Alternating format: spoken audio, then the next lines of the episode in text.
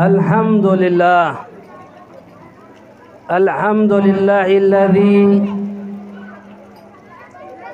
بنعمته تتم الصالحات وتنزل البركات وتحصله النفحات وصلى الله وسلم على سيد السادات والقدوة القادة محمد بن عبد الله خير المخلوق في الأرض والسماوات.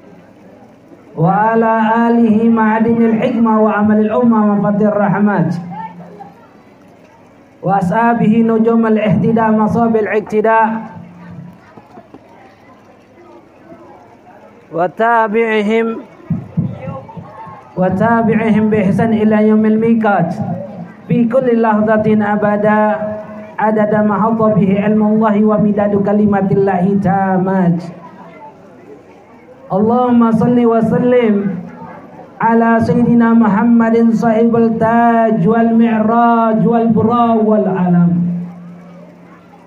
جسمه طاهر مطهر معطر منور. من اسمه مكتوب مرفوع موضوع على اللوح والقلم شمس ضحى بدر دجى نور الهدى مصباح ظلام. أبي القاسم سيد الكونين وشفيع الثقلين سيدنا محمد صلى الله عليه وسلم شهيد العرب والعجام نبي الحرمين المحبوب عند الرب المشرقين والمغربين. فيا أيها المستقون إلى رؤية جماله صلوا عليه وسلموا تسليما. اللهم صل وسلم وبر وكرم. وعظم على سيدنا محمد وعلى آل سيدنا محمد.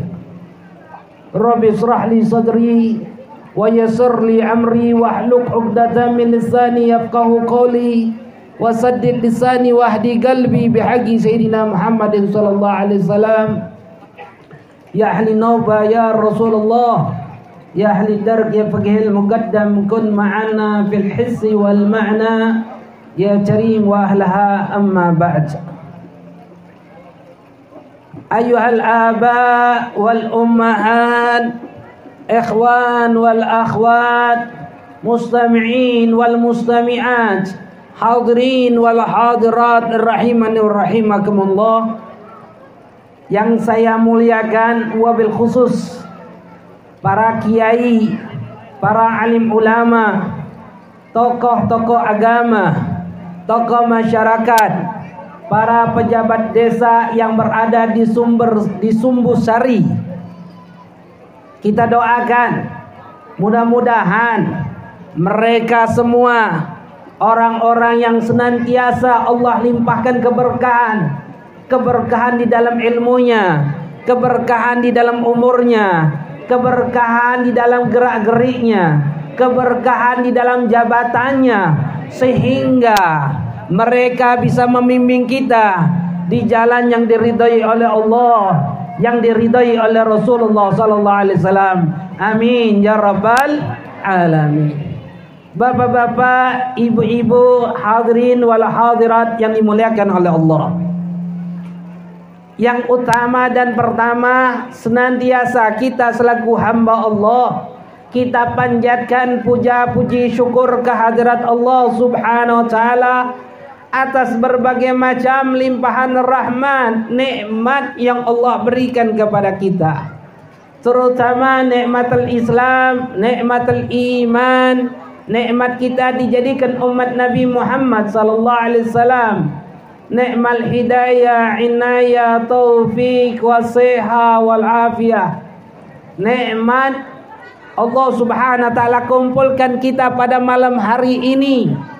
Dalam keadaan Allah memberikan kesempatan untuk kita mendekatkan diri kita kepada Allah dengan cara mencoba untuk menyenangkan hati baginda Rasulullah sallallahu alaihi wasallam. Dengan cara memahami, mempelajari, mengamalkan dan menyebarkan syariat yang dibawakan oleh Rasulullah sallallahu alaihi wasallam yang mudah-mudahan bapak-bapak, ibu-ibu, hadirin wal hadirat yang dimuliakan oleh Allah, kita yang duduk dalam majlis pada malam hari ini tidak keluar dari majlis yang seperti ini kecuali Allah Subhanahu wa taala sudah mengampuni seluruh dosa-dosa kita dosa orang tua kita, dosa guru-guru kita, meluaskan rezeki kita, menggampangkan kita mendapatkan rezeki yang halal, dijauhkan daripada rezeki yang diharamkan oleh Allah dan mudah-mudahan tidak keluar dari majlis ini kecuali hajat kita digabulkan oleh Allah Subhanahu wa taala. Dipanjangkan umur kita dalam ta'a wal afiyah salama yang sakit disehatkan oleh Allah Subhanahu wa taala, yang punya hajat dikabulkan oleh Allah, yang dalam keadaan kesedihan diberikan kebahagiaan oleh Allah Subhanahu wa taala, yang dalam keadaan kesusahan dilapangkan oleh Allah Subhanahu wa taala, lalu Allah matikan kita dalam keadaan husnul khatimah dan dikumpulkan kelak bersama baginda Rasulullah sallallahu alaihi wasallam di dalam surganya Allah. Amin. Amin. Amin ya Rabbal. Begitu juga salawat serta salam. Tidak henti-hentinya kita mintakan kepada Allah Untuk kita limpahkan, hadiahkan kepada junjungan kita. Nabi kita Nabi Muhammadin sallallahu alaihi wasallam beserta para keluarganya, para sahabatnya, para tabi'in, tabi tabi'in wa man tabi'ahum bi ihsani ila yaumiddin. Rahimanu rahimakumullah. Alhamdulillah, alhamdulillah. Jarang-jarang Pak Bu ngisi majelis, ngisi acara ada yang ngawal. Kenapa? Memang para kiai, para ustadz, para orang-orang alim di zaman sekarang ini harus kita kawal. Kenapa? Karena ini negara sekarang ini agak memperhatinkan. Berapa banyak kita tonton acara-acara ada orang ngawur. Maunya nyerang kiai, maunya nyerang orang-orang alim, maunya nyerang ustad. Mudah-mudahan kaum banzer, ikhwan kita, saudara kita, Allah senantiasa berikan keberkahan di dalam gerak-geriknya sehingga bisa menjaga NKRI ini dari hal-hal yang bisa menghancurkan daripada NKRI. Amin ya rabbal alamin. Pak, Bu, beliau berdua ini berdiri seperti ini, ganjaran pahalanya luar biasa. Ganjaran pahalanya luar biasa. Habib tanya nih sekarang nih sama jenengan. Nanti di akhirat, nanti di akhirat kita akan bertemu yang namanya mizan, timbangan. Yang ditimbang itu amal kita atau pahalanya? Amalnya atau pahalanya? Amal atau pahalanya? Pahala. Bukan amal. Enak saja. Contoh nih kita nih sekarang nih hadir malam majlis ini nih. Amal ibadahnya sama kita orang sama-sama ngaji. Benar nggak? Benar nggak? Tapi kalau segi pahala beda. Yang berdiri dengan yang duduk beda nggak pahalanya? Beda mau sama? Enggak. Bu, yang duduk belakang sama duduk depan beda nggak pahalanya? Beda. Ini yang angkat meja, yang angkat kursi, ama tinggal duduk saja beda nggak pahalanya? Ini yang masang karpet, masang tenda, tuh masang rumah-rumahan, bikin rumah-rumahan, rumah apa tuh? Burung apa ayam? Beda nggak? Beda. Amal ibadahnya sama, tapi ganjarannya beda. Yang jalan kaki sama naik motor beda nggak pahalanya? Yang naik motor sama mobil beda nggak? Beda. Yang yang dijemput sama yang jemput beda nggak pahalanya? Beda. Jadi jangan pikiran jenengan sama. Nanti yang ditimbang kelak nanti amal kiamah itu adalah pahala Pak Bu. Habib tanya nih sekarang, kira-kira siapa yang paling besar pahalanya di sini? Siapa? Habib. Salah jenengan. Justru orang-orang yang menjadikan sebab kita duduk dalam majlis ini pada malam hari ini, mereka lah yang ganjaran pahalanya lebih besar. Kenapa? Karena mereka dakwahnya dengan apa? Dengan keadaan. Kalau Habib dakwahnya dengan ngomong, dibawa, dijemput, didudukin di situ, dikasih makan. Datang di sini lihat kayak Habib kehausan, Empat minum botol. Dipikir nggak ada air minum Habib. Masya Allah. Tapi kenapa mereka ngasih banyak begini? Husnudon. Sangkaan baik mereka orang. Takut Habib kehausan. Kan seperti itu. Luar biasa. Pahalanya luar biasa Pak Bu. Makanya Rasulullah katakan dakwah bil hal afdal dakwah bil gal. Dakwah dengan keadaan itu lebih utama daripada dakwah dengan keadaan. Makanya Pak, Bu, ayo bareng-bareng kita orang dakwah dengan keadaan kita. Jenengan dakwah dengan keadaan. Yang punya harta dengan hartanya. Yang punya jabatan Pak Kadesnya. Kepala dusunnya dengan jabatannya. Yang punya istri dengan istrinya, yang punya suami dengan suaminya, yang punya anak dengan anaknya, yang punya tenaga dengan tenaganya. Semuanya itu adalah ganjaran pahala di sisi Allah Subhanahu wa taala. Mudah-mudahan amal kita pada malam hari ini adalah amalan ibadah yang diterima oleh Allah. Amalan yang kelak memudahkan kita ketika kita berhadapan dengan Allah Subhanahu wa taala. Amin ya rabbal Bapak-bapak, ibu-ibu, hadirin wal hadirat yang dimuliakan oleh Allah. Ini yang keberapa kalinya Habib datang ke SKPD 1 ini di Desa Sumbu Sari. Di dosen 3 ini baru pertama kali. Mudah-mudahan insya Allah marat berulang-ulang kah? Kali bukan yang pertama kali saja. Insya Allah yang berulang-ulang kali nanti kita bisa hadir dalam majlis ini. Pak Bu malam hari ini kita memperingatin Isra wal Mi'raj. Kita butuh peringatan-peringatan seperti ini. Kenapa? Karena kita butuh diingatkan. Allah katakan di dalam firman-Nya fadzakir inna dzikra fatanfa'ul mu'minin. Berikan peringatan karena memberikan peringatan itu bermanfaat bagi orang yang beriman kepada Allah. Artinya, artinya orang yang diberikan peringatan bukan berarti orang itu nggak tahu. Orang itu tahu, orang itu paham, tapi butuh diingatkan. Karena kita ini hidup saling mengingatkan. Jika kita hidup saling mengingatkan, insya Allah peringatan demi peringatan atau saling mengingatkan ini akan bermanfaat bagi siapa? Bagi kita orang-orang yang beriman kepada Allah Subhanahu wa taala. Makanya Pak Bu, jika ada di zaman sekarang ini paham-paham yang melarang kita untuk mengadakan peringatan-peringatan seperti ini, nggak usah dihiraukan. Ada paham sekarang kita ngadain peringatan Isra Mi'raj dibilang apa? Dibilang bid'ah. Dibilang sia-sia. Dibilang tidak mengikuti ajaran Nabi. Nauzubillah. Masya Allah. Pak Bu, setiap peringatan demi peringatan yang kita lakukan pasti yang kita ceritakan siapa? Rasulullah sallallahu alaihi wasallam. Baik itu peringatan Isra wal Mi'raj, Baik itu peringatan Maulidin Nabi, baik itu peringatan Muharram, baik itu peringatan demi peringatan yang terjadi di dalam sejarah Islam, semuanya cerita tentang sosok Nabi kita, Nabi Muhammad sallallahu alaihi wasallam. Sallu ala Nabi. Allahumma salli wa sallim alaih. Dibilang hal yang salah, dibilang hal yang tidak ada gunanya. Nauzubillah itu doktrinnya mereka orang kafir. Supaya kita umat ini jauh dengan Nabi. Supaya kita umat ini sudah tidak tahu kenal dengan Nabi.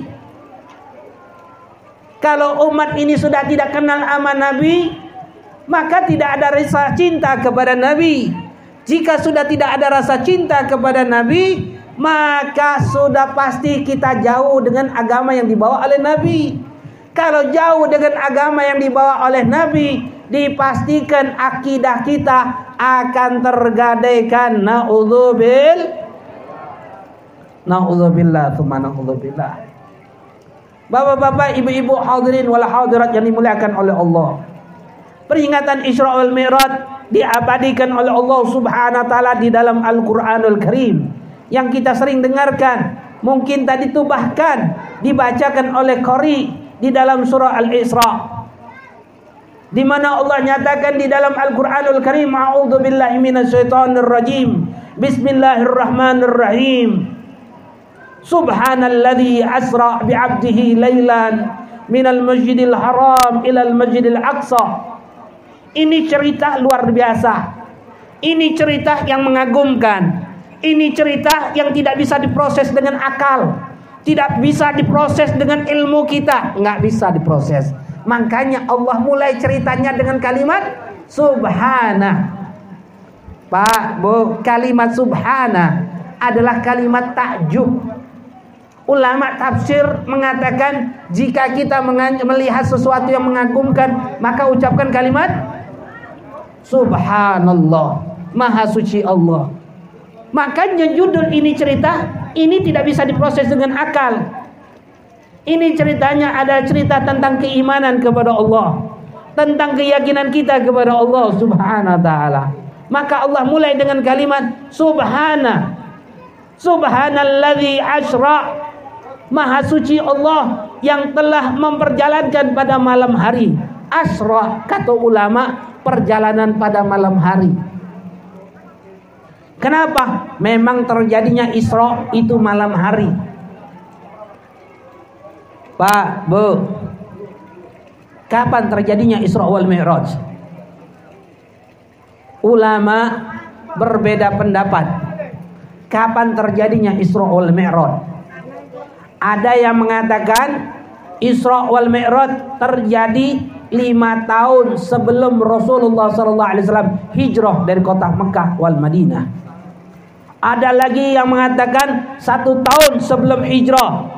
Ada lagi yang mengatakan enam bulan sebelum hijrah. Tapi sepakat ulama mengatakan Isra wal Mi'raj terjadi setelah Nabi Muhammad diangkat menjadi nabi dan rasul. Di bulan apa Isra Mi'raj? Ulama pun berbeda pendapat. Yang masyur, yang terkenal terjadi di bulan Rajab yang saat ini kita adakan perayaannya. Ada lagi pendapat mengatakan bukan di bulan Rajab tapi di bulan Ramadan. Ada lagi pendapat yang mengatakan terjadi bukan di bulan Ramadan tapi terjadi di bulan Rabiul Awal. Ulama berbeda pendapat kapan terjadinya Isra al-Mi'raj tapi sepakat wajib bagi kita meyakini bahwasanya terjadinya Isra wal Mi'raj bagi Nabi Muhammad sallallahu alaihi wasallam. Ini perjalanannya pada malam hari bukan siang hari. Perjalanan Isra wal Mi'raj terjadi pada malam hari. Dengan apa? Bijasad waruh. Kenapa? Dengan jasad dan rohnya Nabi Muhammad sallallahu alaihi wasallam. Karena Allah katakan bi'abdihi dengan hambanya. Penghambaan itu jika ada jasadnya. Artinya kita manusia bisa menghamba Allah karena ada bentuk jasad kita. Kalau roh saja nggak akan bisa kita menghamba kepada Allah. Karena harus ada perbuatan dan perbuatan itu harus berupa jasad. Tidak mungkin perbuatan itu berupa ruh saja, nggak mungkin. Kita sholat ada jasad, kita sedekah ada jasad, kita sholat ada jasad, kita haji ada jasad. Makanya kata ulama, Nabi Israel Mi'raj itu jasad dan ruhnya menghadap kepada Allah Subhanahu wa taala. Juga Allah katakan bi dengan hambanya. Kenapa? Karena kalimat hamba, Pak Bu, hamba itu adalah sifat yang terpuji yang dimiliki oleh seorang hamba Allah. Sifat yang paling mulia yang dimiliki oleh hamba Allah adalah sifat penghambaan. Kalau sudah ada di dalam diri seorang sifat penghambaan, berarti orang itu punya sifat paling mulia daripada seorang makhluknya Allah. Kenapa? Karena yang namanya hamba itu nggak memiliki sesuatu. Contoh saja hamba sahaya, perbudakan. Arti perbudakan hamba saya, dia milik tuannya. Harta yang dia miliki milik tuannya. Hamba saya memiliki harta tidak, Pak Bu? Enggak. Jika dia milik harta, harta itu milik tuannya. Bahkan dirinya milik tuannya. Begitu juga di dalam diri Nabi. Nabi punya sifat penghambaan. Artinya diri Nabi milik Allah. Yang dimiliki Nabi milik Allah. Segala sesuatu yang dimiliki oleh Nabi adalah milik Allah. Nabi tidak pernah merasa memiliki sesuatu. Nabi tidak pernah merasa dirinya memiliki sesuatu bahkan terhadap dirinya sendiri. Nggak memiliki. Dia punya harta, dia katakan milik Allah. Dia punya jabatan, katakan dia milik Allah. Dia punya istri, dia punya keluarga, dia katakan itu milik Allah. Makanya Nabi dipuji oleh Allah dengan kalimat bi'abdihi. Dengan hambanya. Beda dengan kita Pak Bu. Sering nggak kita kalau ngasih sesuatu, kalau ditanya orang, bilang saja hambanya Allah. Sering nggak? Pak Bu, kalau nulis ngasih amplop tulisnya hamba Allah. Masya Allah. Pak, Bu.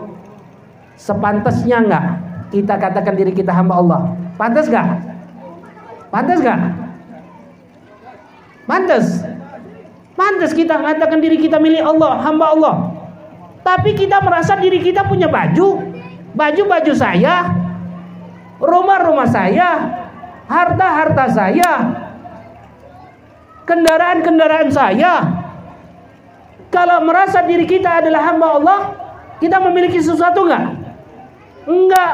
Yang namanya hamba enggak memiliki sesuatu. Dia akan katakan, ini harta saya, ini bajunya saya. Enggak, enggak akan seperti itu hamba Allah. Kalau dia mengatakan dirinya adalah hamba Allah, artinya itu adalah milik Allah. Hartanya milik Allah jabatannya milik Allah, kendaraannya milik Allah, rumahnya milik Allah. Jika dibutuhkan dia akan serahkan kepada Allah. Kita Pak, Bu, siap? Sedekahkan harta untuk Allah. Siap? Siap? Nanti biasanya ada kotak keliling. Sudah ada kotak keliling? Kotak terbang? Belum? Pak, Mana panitia? Ada memang? Enggak ada. Tuh, nanti kalau sudah ada keliling kota keliling, ayo persiapkan. Hartanya milik Allah. Artinya jangan pilih yang paling kecil. Kita orang nih Pak Bu, Masya Allah. Kita nih punya uang nih, punya uang nih. 5 ribu sama 2 ribu 5 ribu sama 2 ribu yang sedekah yang mana? Yang disedekahi yang mana? 5 ribu apa 2 ribu? Jujur Nggak percaya Habib.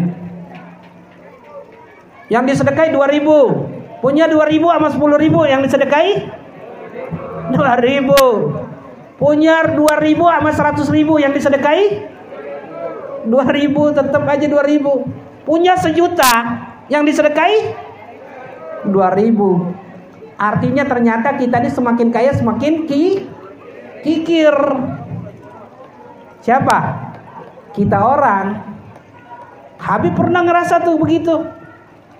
Ada orang minta-minta lagi makan nih, ada orang minta-minta. Ada duit 2000, Habib kasih. Lihat lagi, ternyata ada lagi yang minta-minta. Habib lihat lagi di kantong, ada duit 5000, Habib kasih. Ada lagi yang minta-minta, Habib lihat di dompet, di kantong, ada uang 10.000, Habib kasih.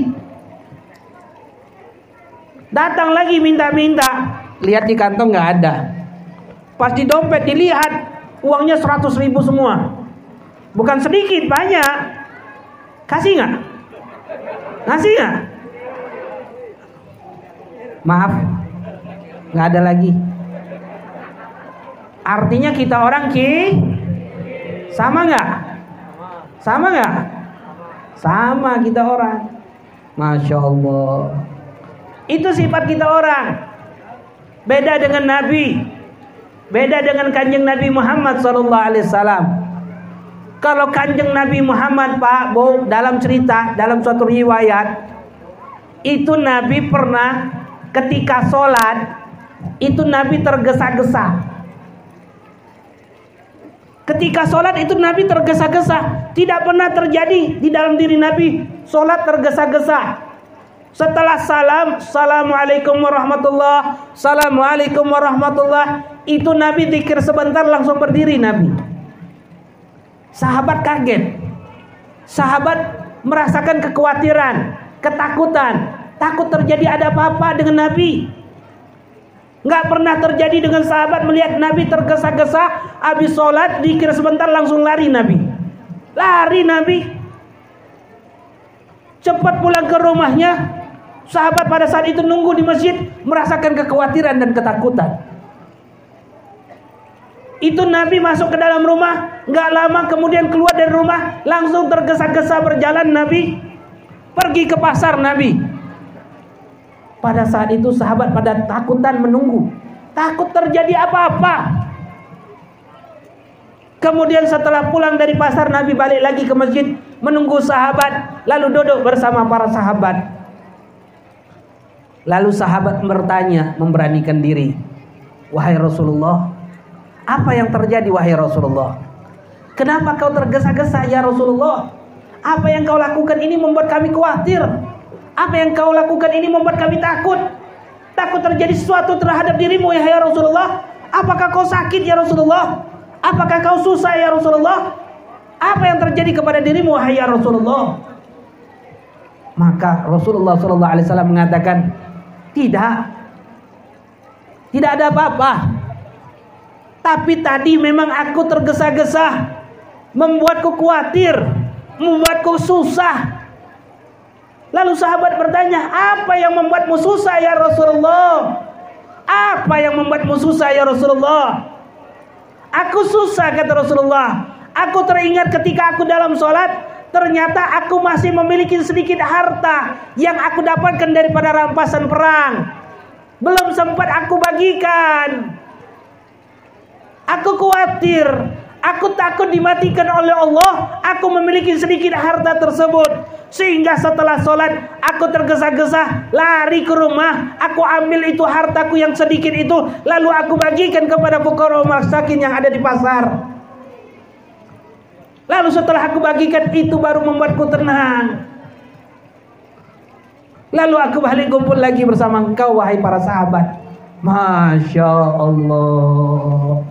Pak, Bu, beda nggak sama kita? Beda nggak? Beda. Kita susah kalau nggak ada uang. Kita susah kalau nggak ada duit. Kita susah kalau karet turun. Harga sawit turun susah kita orang. Benar? Benar atau betul? Kan seperti itu. Susah kita orang. Masya Allah. Beda dengan Nabi. Nabi susahnya kalau milikin harta. Tuh Nabi susah kalau punya uang. Kalau punya harta Nabi susah. Kenapa? Takut kalau mati itu harta akan jadi beban nanti yaumul kiamah. Masya Allah. Pak, Bu, ingatin dunia nih. Dunia ini kata ulama apa dikatakan oleh Habib Abdullah bin Uzaid bin Tahir? Ad-dunya halaluha yuhasibu wa haramuha yu'adibu. Dunia ini halalnya saja dihisab, haramnya saja diadab. Na'udzubil Thumma na'udzubillah Thumma na'udzubillah Makanya Pak Bu Jangan terlalu cinta dengan dunia Jangan terlalu cinta dengan harta Harta itu halal kita dihisap oleh Allah. Haram kita diadab oleh Allah. Memiliki harta itu bakal menyusahkan kita kapan? Kalau sudah dimatikan oleh Allah. Kalau belum dimatikan kita nggak merasa susah. Kita senang. Tapi kalau sudah datang ajal kepada kita, setiap harta yang kita miliki akan memberatkan kita kelak nanti yaumul kiamah. Nauzubillah, tsumma nauzubillah lah. Pak, Bu. Habib kasih tahu nih. Kita ini masalah rezeki nih, masalah rezeki nih. Kan pada khawatir kalau masalah rezeki. Benar nggak? Tuh Nabi nggak khawatir. Nabi nggak takut dengan masalah rezeki. Habib tanya nih, jawab jujur. Rezeki perlu dicari apa enggak? Perlu dicari enggak rezeki? Perlu enggak? Perlu dicari? Apa kata Nabi? Kanjeng Nabi bilang, "Lau ana ibnu Adam harabu min rizki kama yahrubu minal mauti la adruka rizku kama adrukal mautu." Kalau Bani Adam ini, ini manusia nih, lari daripada rezekinya sebagaimana dia lari dari kematiannya, maka rezekinya akan datang kepadanya sebagaimana kematian akan datang kepadanya. Pak, Bu, mati perlu dicari nggak? Mati perlu dicari nggak? Ngumpet di kamar. Ngumpet di kamar, kunci itu kamar. Ngumpet bawa kasur. Bawa ranjang ngumpet. Kalau mati mati nggak? Sama dengan rezeki. Sama kalau Bani Adam ini lari dari rezekinya, jangan lari ngumpet. Jangan lari ngumpet di kamar. Kunci itu kamar. Kalau itu rezeki jenengan, rezeki akan datang kepada jenengan sama seperti kematian. Ayo Habib tanya lagi. Rezeki perlu dicari nggak? Bu, Pak, rezeki perlu dicari nggak? Perlu nggak? Perlu masih. Ya Allah. Mati perlu dicari nggak? Mati perlu dicari nggak? Kok dengan mati paham yakin nggak perlu dicari? Sama rezeki nggak percaya. Sama, mati sama rezeki itu sama. Kalau sudah datang ajalnya, datang ajalnya. Kalau sudah datang rezekinya, datang rezekinya. Yang dicari itu bukan rezekinya, Pak, Bu. Yang dicari itu usahanya. Yang dicari itu ikhtiarnya. Bukan rezekinya. Karena rezekinya yang menentukan siapa? Allah. Amin tanya, rezeki perlu dicari nggak? Enggak. Yang dicari apa? Usaha. Yang dicari adalah usaha, ikhtiar. Itu yang dicari, bukan rezekinya. Paham? Ngartos jenengan? Ngartos. Alham. Ayo aplikasi pelajaran lagi. Ini rezeki nih. Ini rezeki. Rezeki kan? Ini rezeki nih. Rezeki Habib bukan? Rezeki Habib bukan? Hah? Rezeki Habib bukan? Belum. Ini belum rezeki Habib. Kapan kalau rezeki Habib?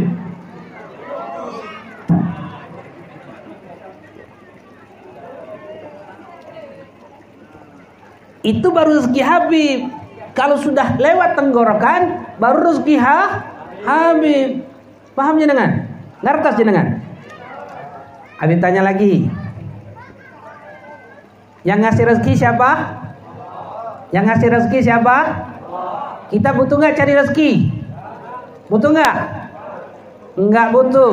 Yang dicari adalah usaha. Ini rezeki dari Allah. Kalau nggak ada usaha bisa minum nggak Habib? Enggak, ini usahanya.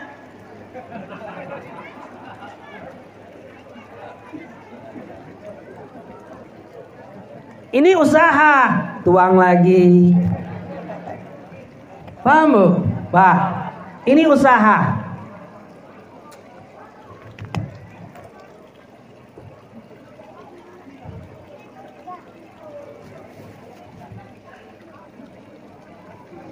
Habib tanya lagi.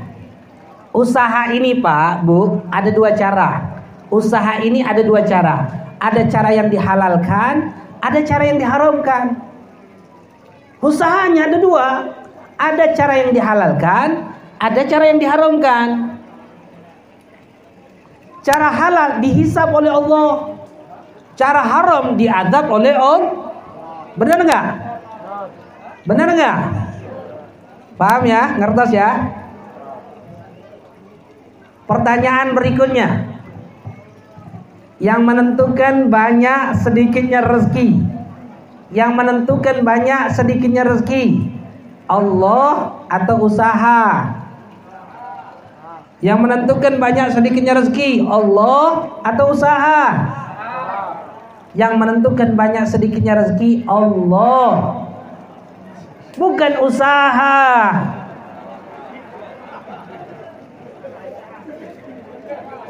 Pak, Bu, yang menentukan banyak sedikitnya itu rezeki adalah Allah. Bukan usaha. Ingat itu.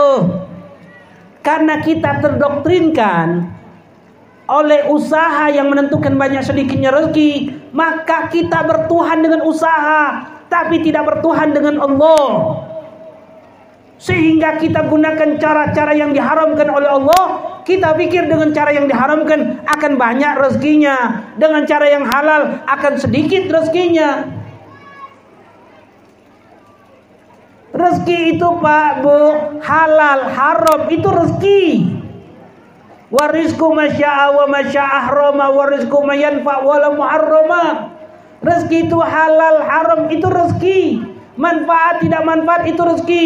Jenengan ngambil air dari sesuatu yang diharamkan oleh Allah mencuri itu rezeki jenengan. Tapi dengan cara yang diharamkan oleh Allah. Jadi jangan pernah bertuhan dengan cara tapi cukup bertuhan dengan Allah. Jangan sekutukan Allah di dalam ketuhanannya Jadilah kita hamba Allah yang hanya menghamba kepada Allah, bukan menghamba kepada usaha. Habib, kalau nggak cara haram, gimana dapat rezeki Habib? Habib, kalau tidak gunakan duit bank riba, Habib, kami nggak dapat usaha. Habib, kalau nggak gunakan duit riba bank Habib, gimana kami bisa beli kebun? Haram ikhwan. Haram.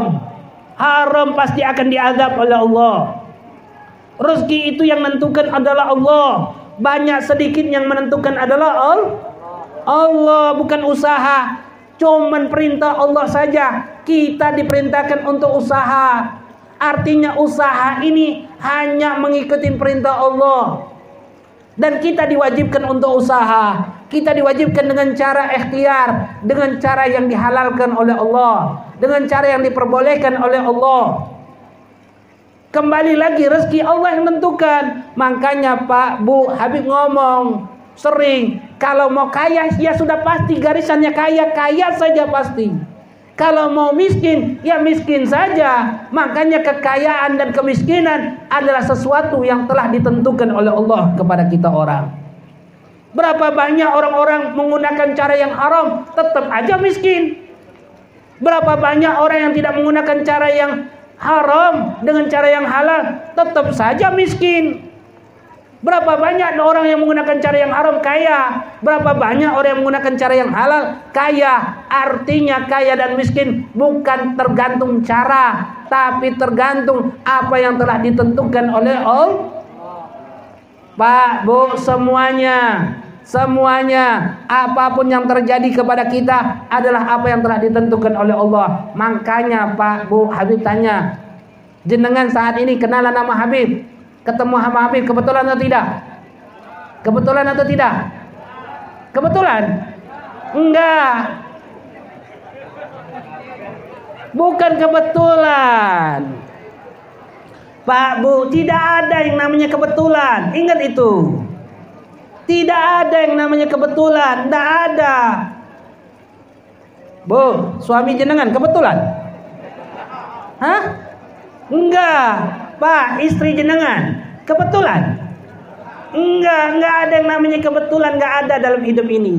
Yang ada apa yang telah ditentukan oleh Allah. Artinya kita saat ini merupakan apa yang telah ditentukan oleh Allah kepada kita. Tidak ada yang namanya kebetulan.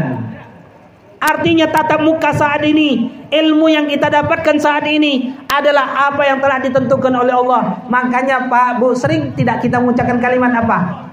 Kalimat apa? Pak Bu apa? Masya. Apa artinya? Apa artinya? Bu, Masya Allah. Apa artinya? Pak, Masya Allah. Apa artinya? Segala sesuatu yang kehendak Allah. Masya Allah. Segala sesuatu yang dikehendaki oleh Allah. Artinya tata muka ini adalah Masya Allah. Bu, suami jenengan. Masya Allah. Pak, istri jenengan. Masya Allah. Putra putri jenengan. Masya Allah. Orang tua jenengan. Coba jenengan noleh ke kanan sambil noleh ke kanan semua. Tuh yang lihat di samping kanan jenengan. Masya Paham jenengan? Jadi ada kebetulan nggak kita orang? Nggak ada. Masya Allah kan. Wa malam lam yakun. Masya Allah kan. Masya Allah kan. Apa pun yang terjadi adalah Masya Allah. Wa man lam yasa lam yakun. Dan apa pun yang tidak terjadi pada malam hari ini adalah tidak dikehendaki oleh Allah. Paham? Rezeki ngertos jenengan. Jadi rezeki kita adalah Masya Allah.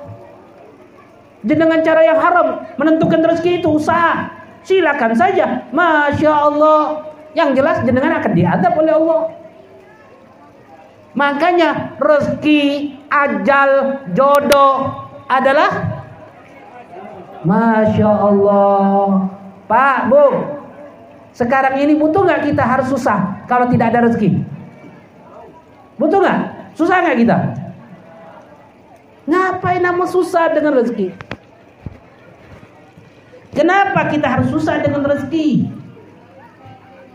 Kenapa kita susah dengan keadaan kita? Enggak. Cukup eh berpegangan teguh, teguh tawakal kita kepada Allah. Cukup. Berserah diri. Ikhtiar wajib. Makanya Pak, Bu, jenengan tuh semuanya pakai masker. Itu bagian apa? Ikhtiar. Habis tanya. Penyakit menular ada nggak? Ada nggak? Ada nggak penyakit menular? Nggak ada. Dipahami biar kita yakin penyakit menular nggak ada. Yang menentukan penyakit itu siapa? Allah. Jadi kalau kita sakit bukan ditulari oleh si bulan. Bukan ditulari oleh si bulan. Si bulan gak pernah bisa bikin kita sakit. Yang menentukan kita sakit siapa? Tapi kita wajib ikhtiar.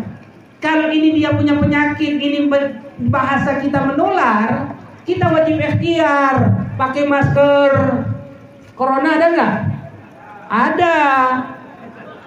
Nular nggak? Nular. Kalau kita kena penyakit corona, siapa yang menentukan penyakit itu? Ditulari oleh orang enggak? Enggak. Paham jenengan? Apa pun yang terjadi itu kehendak Allah. Penyakit menular itu enggak ada. Yang menularkan itu yang menentukan sakit siapa? Allah. Kalau kita terkena penyakit corona bukan karena si bulan. Bukan karena si bulan, Kenapa? Karena cipulan-cipulan ini makhluk Allah. Yang menentukan kita sakit siapa? Yang memberikan kita sakit siapa? Yang memberikan kesembuhan? Allah. Paham? Ngerti jenengan? Eh, dia wajib nggak? Wajib. Pakai itu masker. Pakai itu masker. Tapi tetap tawakal kepada Allah. Kenapa? Karena Allah hanya perintahkan kita ikhtiar. Allah hanya perintahkan kita usaha. Jikalaupun kita sakit, yang memberikan sakit siapa? Allah. Bukan manusia. Paham? Yang memberikan kita sembuh siapa? Manusia apa Allah? Pak, Bu, jenengan kalau sakit larinya ke mana siapa? Hah? Ke dokter, ke rumah sakit. Harusnya jika jenengan sakit larinya ke mana? Pertama kali etikot kepada Allah. Ya Allah, aku sakit ya Allah. Ya Allah, kau yang memberikan sakit ini ya Allah. Ya Allah, hanya kau yang memberikan kesembuhan ya Allah. Setelah etika kita bertawakal kepada Allah, meminta kesembuhan kepada Allah, lalu Allah perintahkan dalam syariat untuk apa? ikhtiar larinya ke mana ke dokter makan obat tapi bukan dokter yang memberikan kesembuhan bukan obat yang memberikan kesembuhan tapi yang memberikan kesembuhan adalah Allah. Karena kita tidak bertuhan dengan ikhtiar. Kita tidak bertuhan dengan usaha. Kita bertuhan kepada Allah. Penghambaan kita hanya kepada Makanya sering kali kita ikrar, sering kali kita pengakuan. Di dalam setiap sholat 17 kali paling sedikit kita mengaku kepada Allah di dalam surat Al-Fatihah iya karena budu wa iya nasta'in apa artinya? Hanya kepada engkau ya Allah nak budu. Kami menyembah. Hanya kepada engkau ya Allah nak budu. Wa iya nasta'in dan hanya kepada engkau ya Allah kami meminta pertolongan. Itu tumpuan hidup kita orang. Paham Pak? Bu ngerti jenengan? Apa pun, apa pun, baik rezeki, ajal, jodoh, sakit, dan yang berbagai macamnya, tumpuan kita hanya kepada Allah. Kalau sudah seperti itu, maka selayaknya kita digelari bi'abdihi hambanya Allah kalau belum seperti itu tidak selayaknya kita ini mengatakan diri kita hamba Allah. Kenapa? karena kita masih bertuhan dengan uang masih bertuhan dengan usaha. Kalau sakit masih pergi ke dokter. Etikat kita ke dokter bukan main. Etikat kita dengan obat bukan main.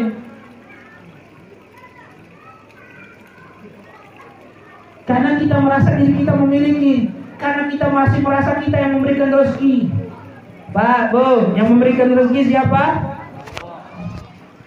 Ayo Pak Bu, sering nggak dengar jenengan ngomong seperti ini? Suami jenengan ngomong seperti ini Kalau bukan saya yang kerja, kamu mau makan apa? Wah Pernah nggak dengar seperti itu? Sering Bu? Enggak ya? Pak, jangan sering-sering ngomong begitu. Ngomong sama anaknya, kalau bapak nggak kerja kamu mau makan apa? Wah. Pak, kalau kamu nggak kerja kami makan apa? Wah. Mau jadi Tuhan dia. Orang yang seperti itu dia pikir dia yang memberikan rezeki. Pak, Bu, yang memberikan rezeki kita siapa? Yang memberikan rezeki istri siapa? Yang memberikan rezeki anak siapa? Ngapa kita berpikiran saya yang memberikan rezeki? Habib kalau saya nggak kerja, gimana dia mau makan? Habib kalau saya nggak kerja, gimana saya mau ngasih dia makan? Yang ngasih makan kita adalah Allah. Yang ngasih rezeki kita adalah Allah. Yang ngasih minum, kesehatan, ketenangan, kenyamanan, keamanan, semuanya adalah Allah, bukan manusia. Manusia hanya sebagai perantara saja. Rezeki anak kita bukan rezeki kita, tapi memang sudah dari kita dari anak dari Allah ke anak. Cuman wasilah saja dari kita. Makanya Pak, Bu, yang ada di jenengan saat ini berupa harta, itu terkadang bukan punya jenengan saja. Itu ada milik orang lain. Cuma lewat jenengan. Terkadang itu milik istri, terkadang itu milik anak, terkadang itu milik tetangga, terkadang itu milik kaum muslimin, itu terkadang miliknya Allah.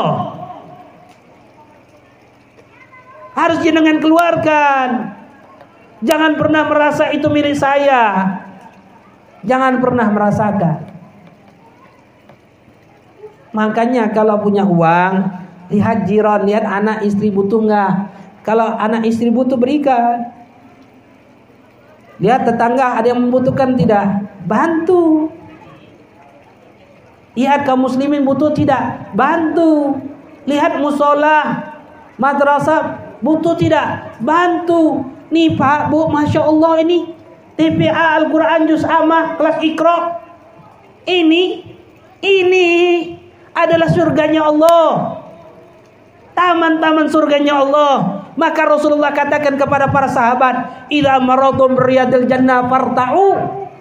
Jika kalian melewati taman surga, kalian hendaklah mampir kata Rasulullah.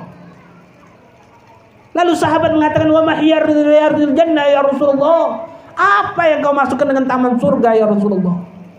Rasulullah katakan, "Hiya hilaqatul dzikri au hiya ilmi." Rasulullah katakan majlis taklim, tempat berkumpul orang-orang belajar, tempat kumpul orang-orang mendekatkan diri kepada Allah. Nih Pak, kelas ikro, mereka belajar huruf hijaiyah, taman surganya Allah. Belajar juz amma, belajar Al-Quran, ini semua adalah taman surganya Allah. Mungkin mata kita memandangnya hal biasa, tapi Allah Allah ini kelak nanti yaumul kiamah akan menjadi saksi siapa saja yang berusaha untuk memakmurkannya, siapa saja yang membantu untuk memakmurkannya.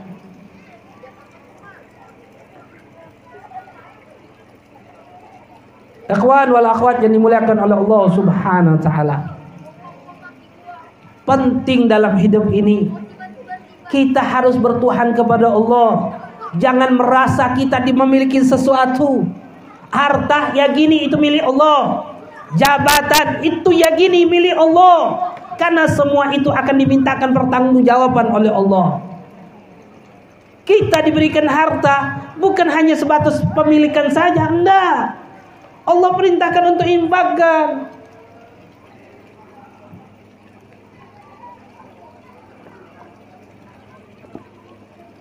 Sebagaimana di dalam Al-Qur'anul Karim. Allah katakan di dalam Al-Qur'an wa anfiqu mimma razaqnakum min qabli an ya'ti ahadakumul maut. Fa yaqulu rabbi laula akhartani ila ajalin qarib fa asadaqa wa akum minas salihin wa lan yuakhirullahu nafsan idza jaa ajaluha wallahu khabirun bima ta'malun. Apa kata Allah? Wa anfiqu mimma razaqnakum infakkanlah keluarkan harta yang kami berikan rezeki kepada kalian. Jadi yang kita miliki milik siapa Pak Bu? Milik Allah. Milik Allah bukan milik kita orang. Infakkan kata Allah. Sebelum salah satu datang kematian kepada kalian jika datang kematian kepada kalian mereka akan berkata kepada Allah Rabbi laula akhartani ila ajalin qarib Ya Allah kalau seandainya kau tunda saja sedikit saja waktuku ya Allah fa asadaqa aku akan bersedekah ya Allah. Wa aku minas solihin aku akan menjadi orang soleh ulama tafsir mengatakan kenapa Kenapa tuh orang yang mati pengen bersedekah? Kenapa orang mati itu pengen sedekah? Kenapa orang mati nggak pilih sekolah, nggak pilih haji, nggak pilih umroh, nggak pilih ibadah-ibadah yang lain? Kenapa dia pilih sedekah? Kata ulama tafsir, orang mati itu melihat kedudukan sedekah sangat tinggi di sisi Allah, sehingga dia memilih untuk sedekah. Kapan taunya? Kalau sudah dimatikan oleh Allah. Lalu dia katakan wa aku minas solihin. Lalu aku akan menjadi orang soleh. Apa Allah akhirkan? Apa orang Allah akhirkan ketika datang kematian untuk dia bersedekah? Nah. Wala yuakhirullahu nafsan idza jaa ajaluha wallahu khabirun bima Allah tidak akan pernah mengakhirkan sedikit saja ajalnya. Kenapa? Allah lebih tahu apa yang dia akan lakukan dalam hidup ini. Sama kita orang, Pak, Bu. Sebelum datang kematian kepada kita orang, kita nggak mau bersedekah. Kita hanya menumpuk harta, menumpuk harta, menumpuk harta. Kita simpan terus, simpan terus, simpan terus. Kita berpikir ingin beli ini, ingin beli itu. Sampai datang apa? Kematian kepada kita orang. Baru kalau sudah mati, baru mau bersedekah sedekah naudzubil la thumma naudzubillah ikhwan wal akhwat yang dimuliakan oleh Allah Subhanahu wa taala. Di dalam Isra wal Mi'raj Rasulullah sallallahu alaihi wasallam di dalam perjalanan tersebut melihat alam tamsil alam perumpamaan.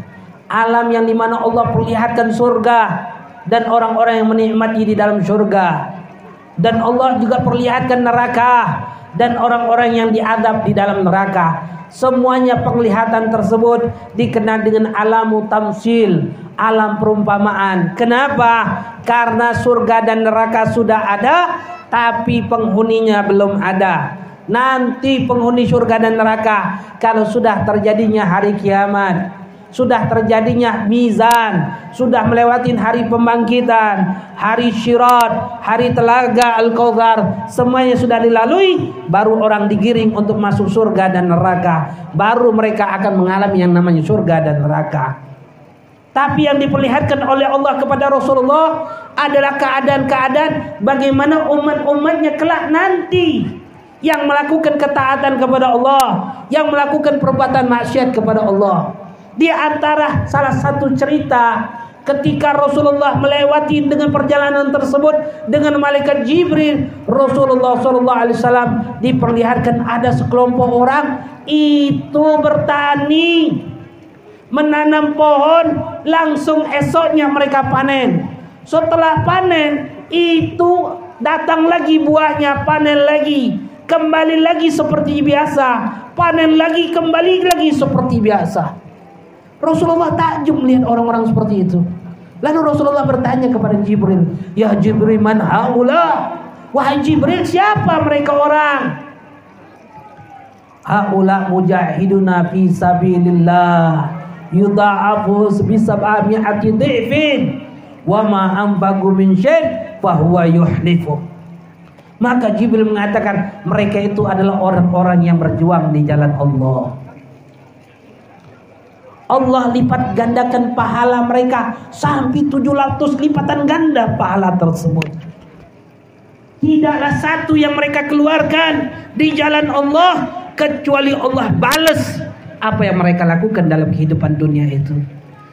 Pak, Bu, yang pasang ini meja, yang masang ini kursi, yang masang ini tenda, yang masang ini bunga-bunga, yang masang ini segala sesuatunya, yang mengeluarkan hartanya untuk beli makanan, untuk beli minuman, yang mereka nabu terbangan, yang mereka gosida, yang mereka dengan pikirannya, yang mereka dengan tenaganya, yang mereka dengan jabatannya, yang berjuang di jalan Allah, maka pasti kelak nanti yaumul kiamah mereka dapatkan balasan dari Allah.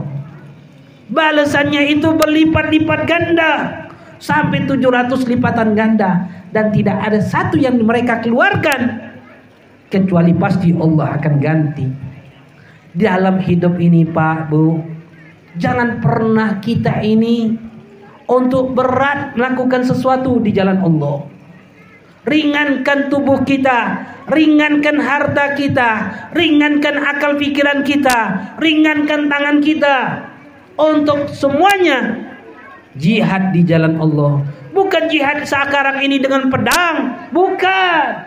Jihad dengan pikiran kita, jihad dengan tenaga kita, jihad dengan ilmu kita, jihad dengan harta kita, jihad dengan tenaga kita, jihad dengan jabatan-jabatan yang miliki oleh kita bantu agamanya Allah Subhanahu wa taala.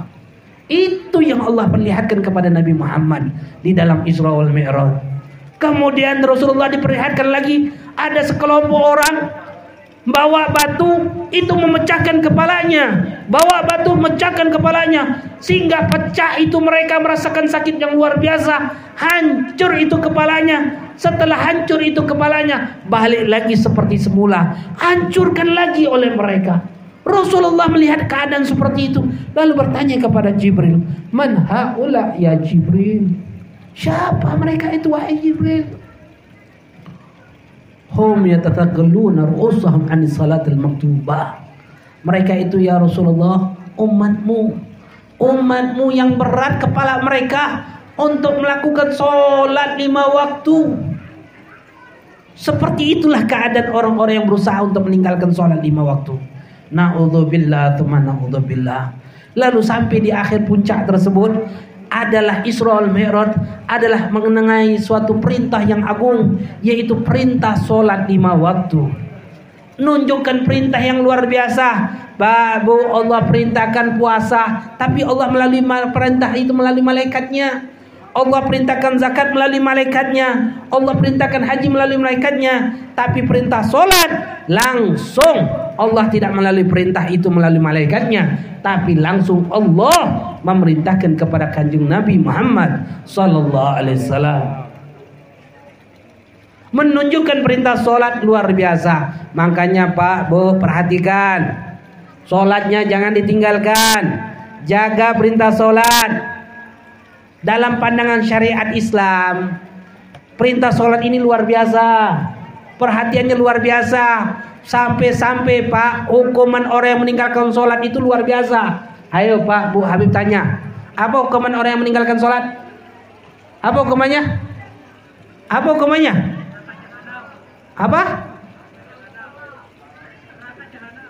Hukuman dunia, hukuman dunia. Kalau mencuri apa hukumannya? Potong tak? Kalau mabok cambuk 40 kali. Kalau zina belum punya istri, belum punya suami, cambuk 100 kali. Kalau zina sudah punya istri atau punya suami, hukumannya bunuh dengan cara dirajam. Habis tanya, dalam pandangan syariat orang yang meninggalkan sholat apa hukumannya? Apa? Hadan, bunuh dengan cara dipenggal kepalanya. Paham jenengan? Dalam pandangan syariat ada orang maling, ada orang yang meninggalkan sholat. Mana yang lebih jelek? Meninggalkan sholat. Kalau maling potong tangannya. Kalau meninggalkan sholat potong lehernya. Ada orang mabok, ada orang yang meninggalkan sholat. Mana yang lebih buruk pandangan syariat? Sholat, mabuk, cambuk 100 kali. Cabut 40 kali. Meninggalkan sholat hukumannya bunuh dengan cara dipenggal. Ada orang berzina. Belum punya istri, belum punya suami. Cambuk 100 kali. Tapi kalau orang meninggalkan sholat, bunuh. Artinya lebih jelek pandangan syariat terhadap orang yang meninggalkan sholat. Jadi jangan nganggap remeh tentang perintah sholat. Walaupun memang bukan kita yang bunuh. Pemerintah yang bunuh, pemerintah yang menegakkan hukum syariat ini. Kita tidak berhak untuk membunuhnya. Tapi ingat, bukan berarti jika tidak ditegakkan hukum ini di dunia, lewat begitu saja nanti di akhirat.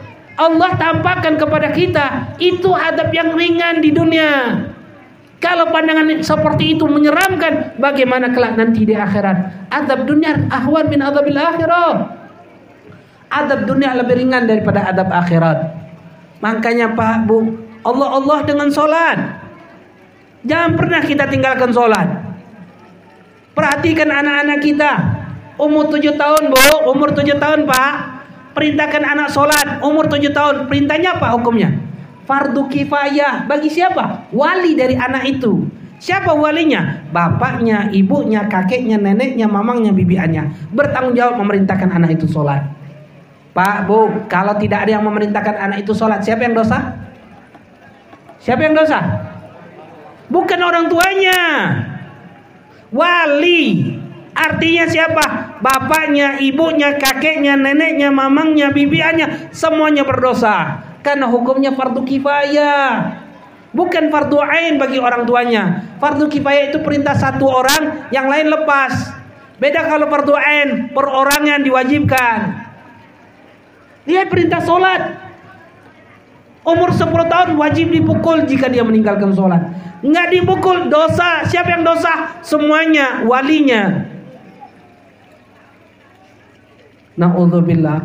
Sampai kapan tanggung jawab orang tua? Sampai anak itu dewasa. Kalau sudah dewasa lepas tanggung jawab uang orang tua langsung syariat mengambil alih.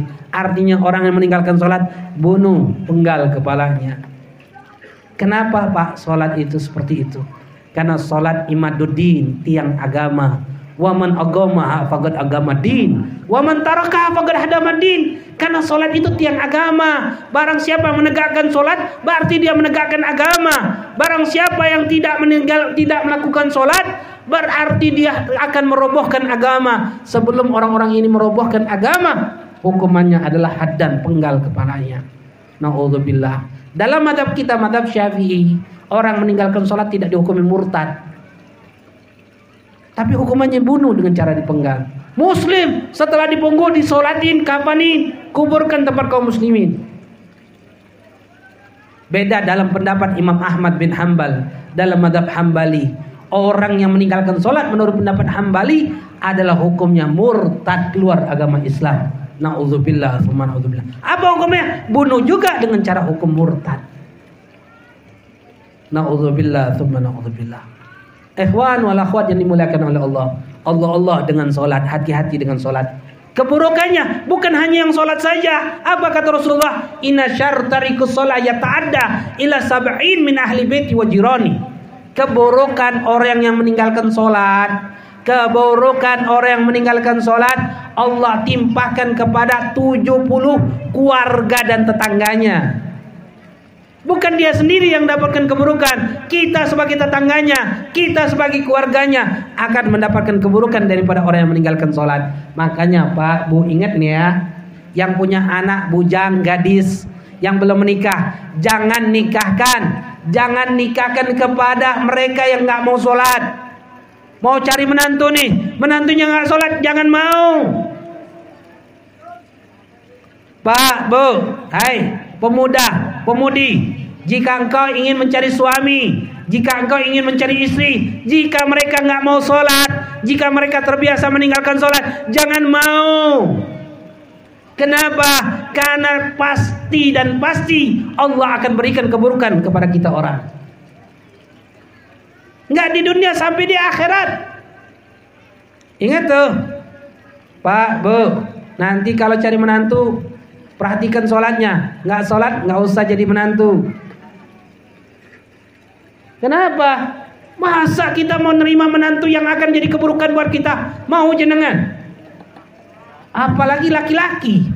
Anak gadis kita, anak perempuan dinikahin oleh laki-laki yang enggak sholat. Oleng kapal ini oleh enggak?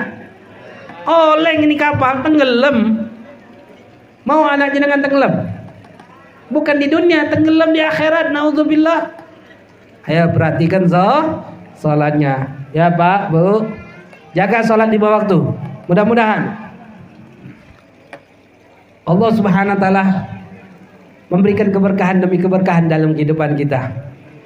Dan mudah-mudahan Allah senantiasa memberikan keberkahan di dalam ilmu yang kita dapatkan.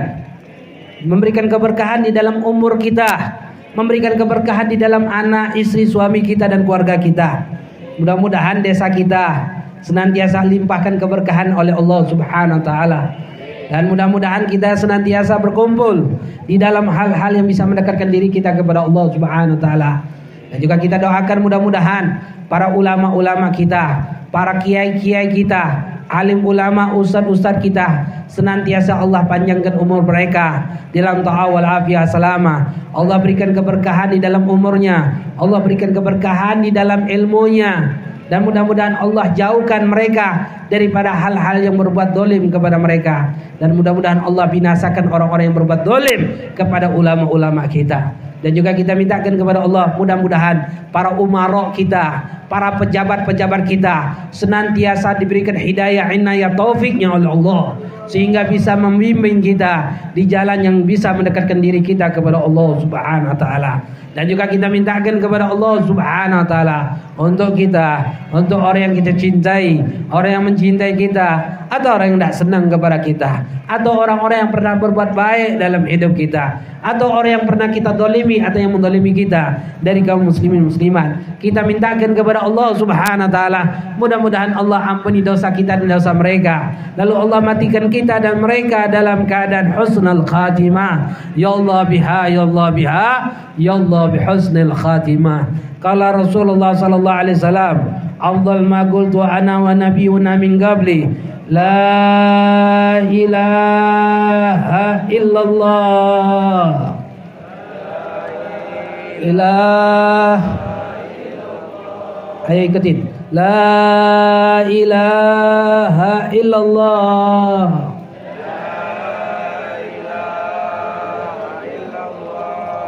لا إله إلا الله. محمد رسول الله. كلمة حق عليها نيا وعليها نمون وعليها نبعث إن شاء الله تعالى. من